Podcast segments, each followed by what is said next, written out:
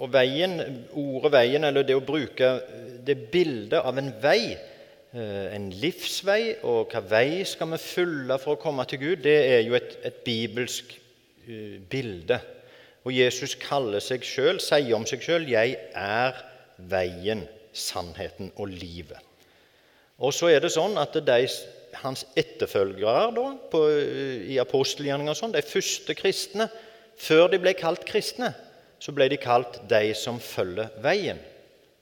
De som følger veien. Og det ble brukt med stor V på en måte. Det ble gitt navn på de kristne.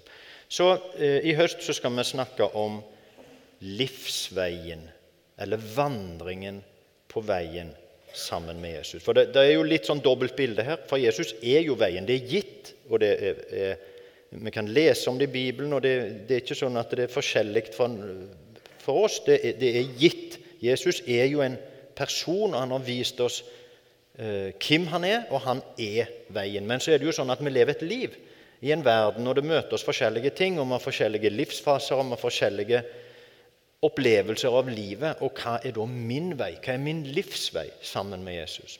Og I dag så er altså temaet de gode dagene i livet. Det som jeg liksom ser for meg som, Hvis vi skal bruke bilde av en vei, så må det jo være når veien er rakt fram. Eh, godt vær og flate veien sant vel, og himlengt og full peising. Det er liksom den, de, de delene av livet. Så tenker vi kanskje Eh, at ja, ja, det gjelder jo ikke meg, for mitt liv er vanskelig. Ja, og da er det ikke typisk deg akkurat nå å, å kjenne på det at livet er veldig godt. Men det er kanskje perioder av livet. Sant? Det er ikke sånn at noen av oss har et enkelt liv, og noen av oss har et vanskelig. Men i perioder så er livet godt. Det oppleves godt å leve, og andre tider så kan det være vanskelig. Men når det er godt, hvordan lever vi da sammen med Jesus? når livet er godt. Og hva er det å ha det godt? Foruten det materielle, for jeg tenker det å ha det godt materielt sett, er jo å ha det godt. Det å ha mat og klær og det en trenger, og hus og bil og Det som en opplever som en trenger, og det som gir oss gode dager, det, det er bra. Men det er jo andre sider av det å ha det godt òg, sjølsagt. Jeg tenker at eh, om jeg har det jeg trenger hvis relasjonene mine ikke er gode.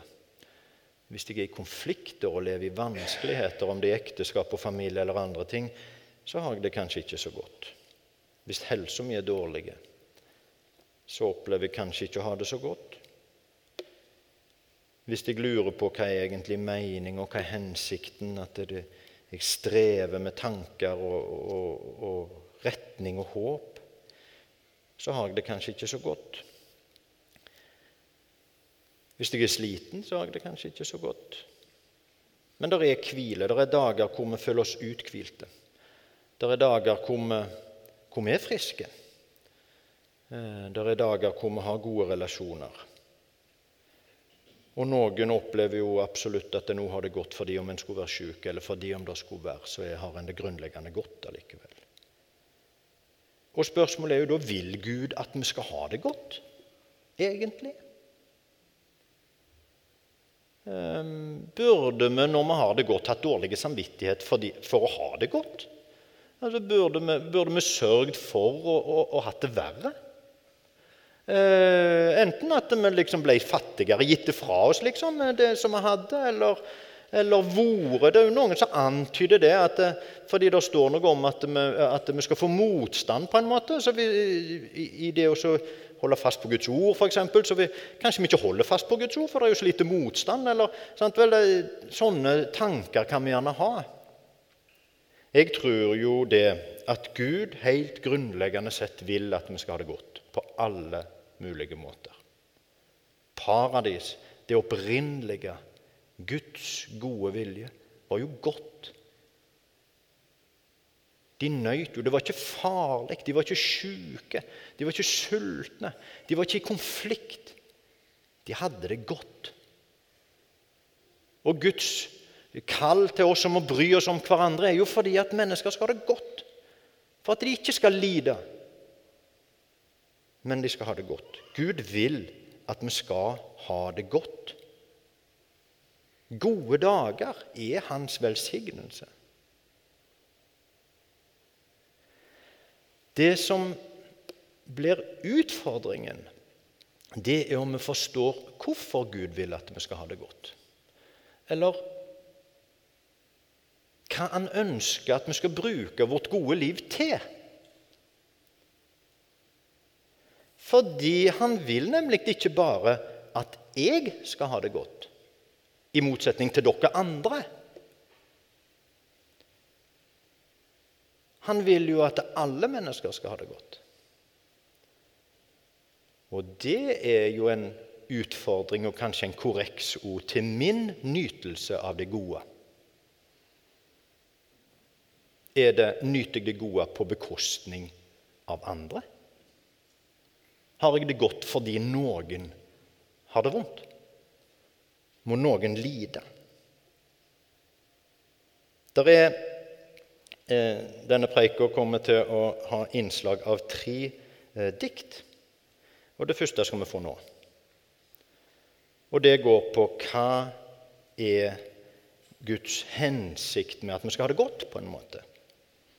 Torkjell skal lese et dikt. Jeg er ikke sikker på hva tittelen er, men vi kjenner det iallfall som at det begynner med 'Den største glede'.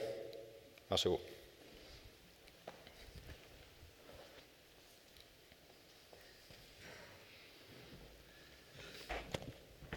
Det er skrevet av en som heter Mikael Aksnes.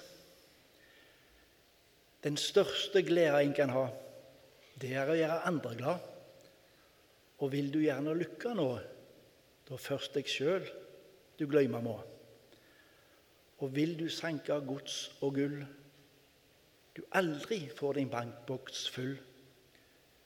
Du må ha mer, får aldri ro. 100 først, og siden to. Nei, gjør deg nøyd med det du har, og prøv å gjøre andre glad. Tørk tårer bort der du deg ser, og gjør det lyst der mørkt er.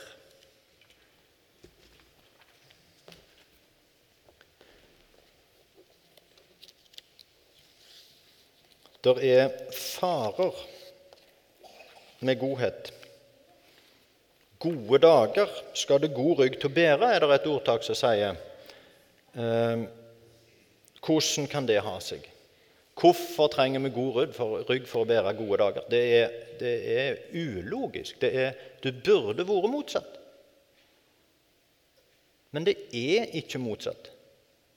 Hvorfor er det sånn at vi, iallfall tilsynelatende Men jeg tror kanskje det stemmer at vi blir mindre takknemlige når vi har mer.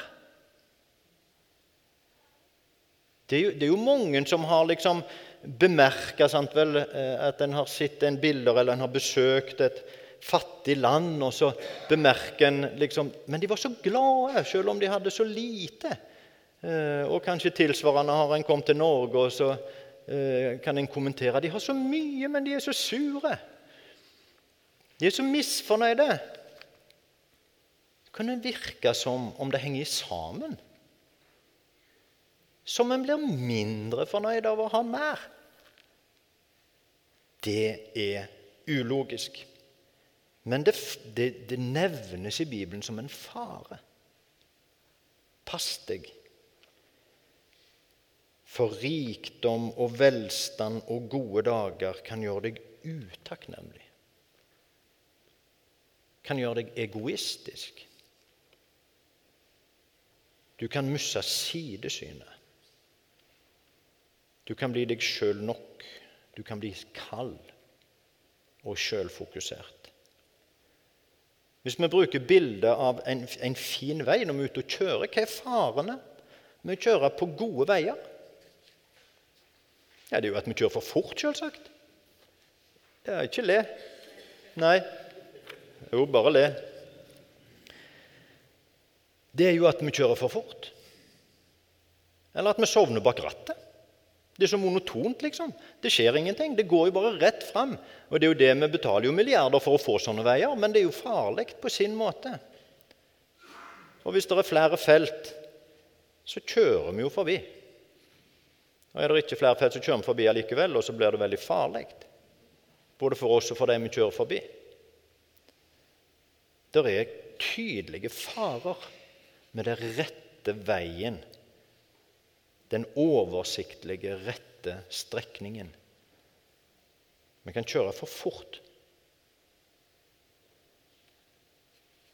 Fart er en dårlig ting i livet, i overført betydning. Speeding i livet er dårlig.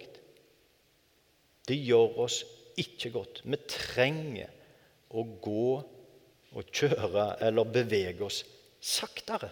Både i fysisk, praktisk og i overført betydning. Vi må roe ned. Vi må roe ned. Og vi må ikke sovne bak rattet. Vi må ikke glemme oss ut. Det er farer plutselig. Og penger og velstand er et eksempel. Det er én av elementene som kan gjøre at vi opplever det godt. Men det er et eksempel, og det er kanskje spesielt der vi er utsatt. Utsatt for farer og forfall. Vi leste teksten om den rike unge mannen. Han hadde gjort alt rett fra han var liten, fulgt alle budene. Og så, så, så han, fikk Jesus han kjær, står der. Og så så han. Ja, er, der er én ting, da. Der er én ting. Rikdommen din.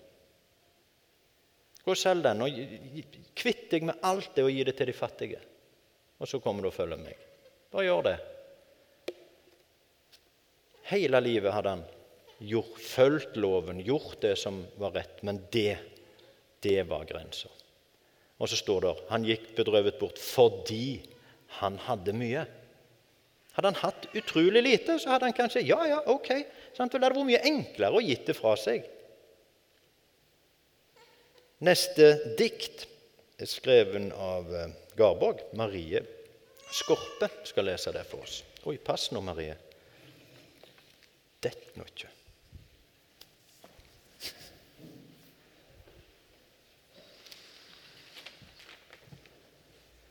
om penger. Penger har ikke noen verdi i seg sjølve. Du kan ikke ete dem, ikke drikke dem og ikke kle deg med dem. Du kunne ha lomma full av penger og svelte, tørste, fryse i hjel om det ikke var mat og drikke og klede å få. Penger er langt ifra det største gode, ikke det nest største heller. Men de er et gode, et stort gode, for de som bruker de vitug. For penger kan en få alt, heter det. Nei, en kan ikke det. En kan kjøpe seg mat, men ikke mathug dråper, men ikke helse. Mjuke senger, men ikke svevn. Lærdom, men ikke hvit. Stas, men ikke venleik. Glans, men ikke hygge. Moro, men ikke glede. Kamerater, men ikke truskap. Grå hår, men ikke ære. Rolige dager, men ikke fred. Skala av alle ting kan en få for penger, men ikke kjernen. Den er ikke for penger fal.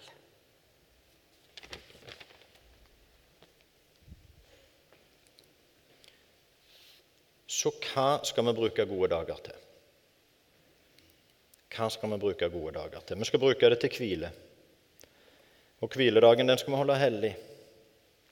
Det betyr at vi kan hvile og søke Gud. Og så skal vi se, og så skal vi hjelpe.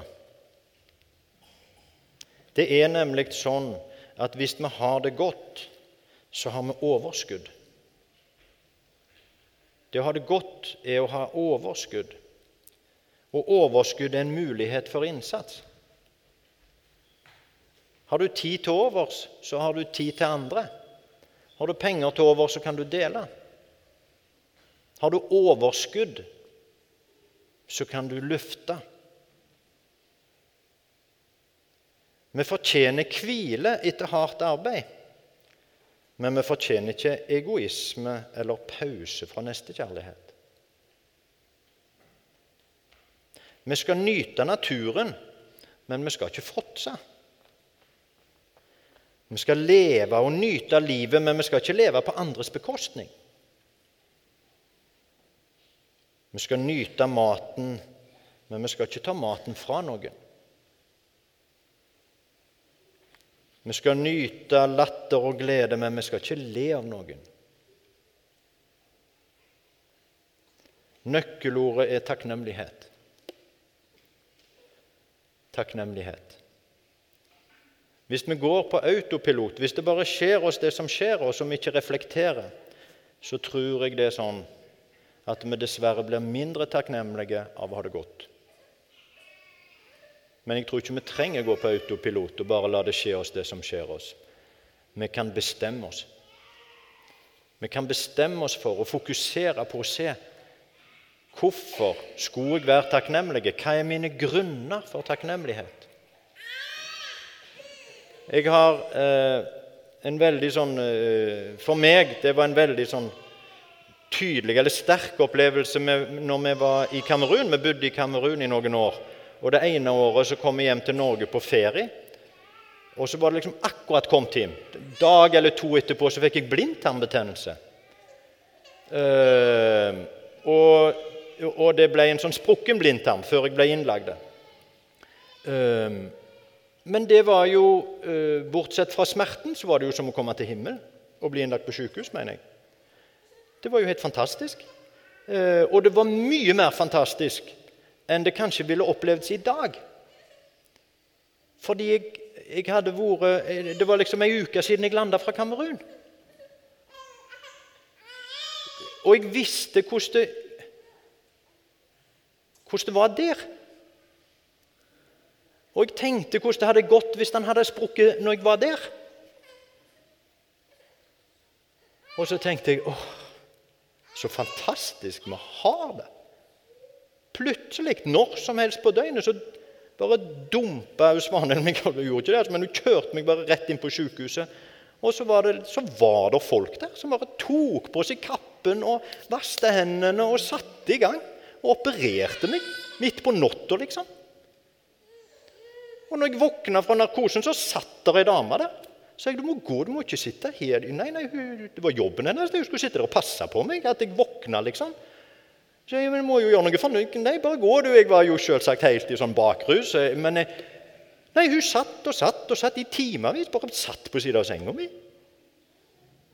Og så liksom var jeg der jeg vet ikke, en dag eller to, og så bare 'Takk for nå.' Og så gikk jeg hjem, og så var det gratis. Det er jo helt sjukt. Eller ja Da var jeg takknemlig. Er vi klar over hva vi har å være takknemlige for? Jeg tror ikke det. Og jeg tenker når vi har det så godt, så skulle vi i det minste være takknemlige for det. Vi skulle i det minste være takknemlige for det. Og ikke gå rundt og syte og klage. Som om vi hadde det dårlig i dette landet. Det, nå Plutselig så ble det litt politikk her. Vi må skjerpe oss og klage som om vi har det dårlig i dette landet. Vi har det ikke dårlig i dette landet. Og du trenger ikke reise langt for å se at det stemmer. Og vi kan i det minste være takknemlige for det. For takknemlighet, det skaper jo glede. Det skaper en opplevelse av en overflod. Sant vel? Fantastisk. Dette, jeg, må, jeg, er så takknemlig for at jeg er frisk i dag. Jeg kan stå opp og gå på jobb og bry meg om noen og hjelpe noen. Tenk at jeg kan det. Det er jo en glede å bruke av overskuddet når en er takknemlige for det.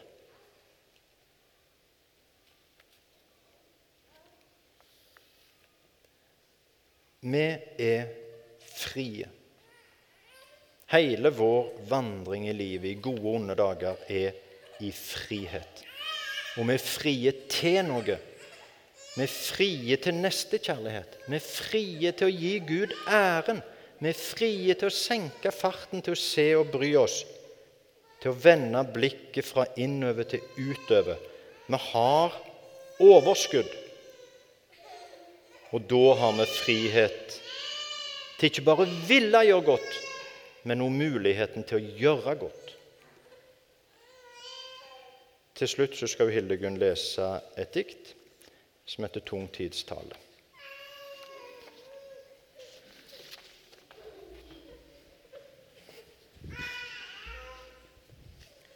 Tung tids tale av Haldis Moren Vesaas. Det heter ikke 'jeg' noe lenger. Heretter heter det 'vi'. Eig du lykka, er hun ikke lenger bare di. Alt det som bror din kan ta imot av lykka di, må du gi. Alt du kan løfte av børa til bror din, må du ta på deg. Det er mange kring deg som frys. Vær du et bål, strål varme ifra deg. Hender finn hender, herd finn herd, stør herd. Barn slår varmt imot barn. Det hjelper da litt, noen få forfrosne, at du er varm.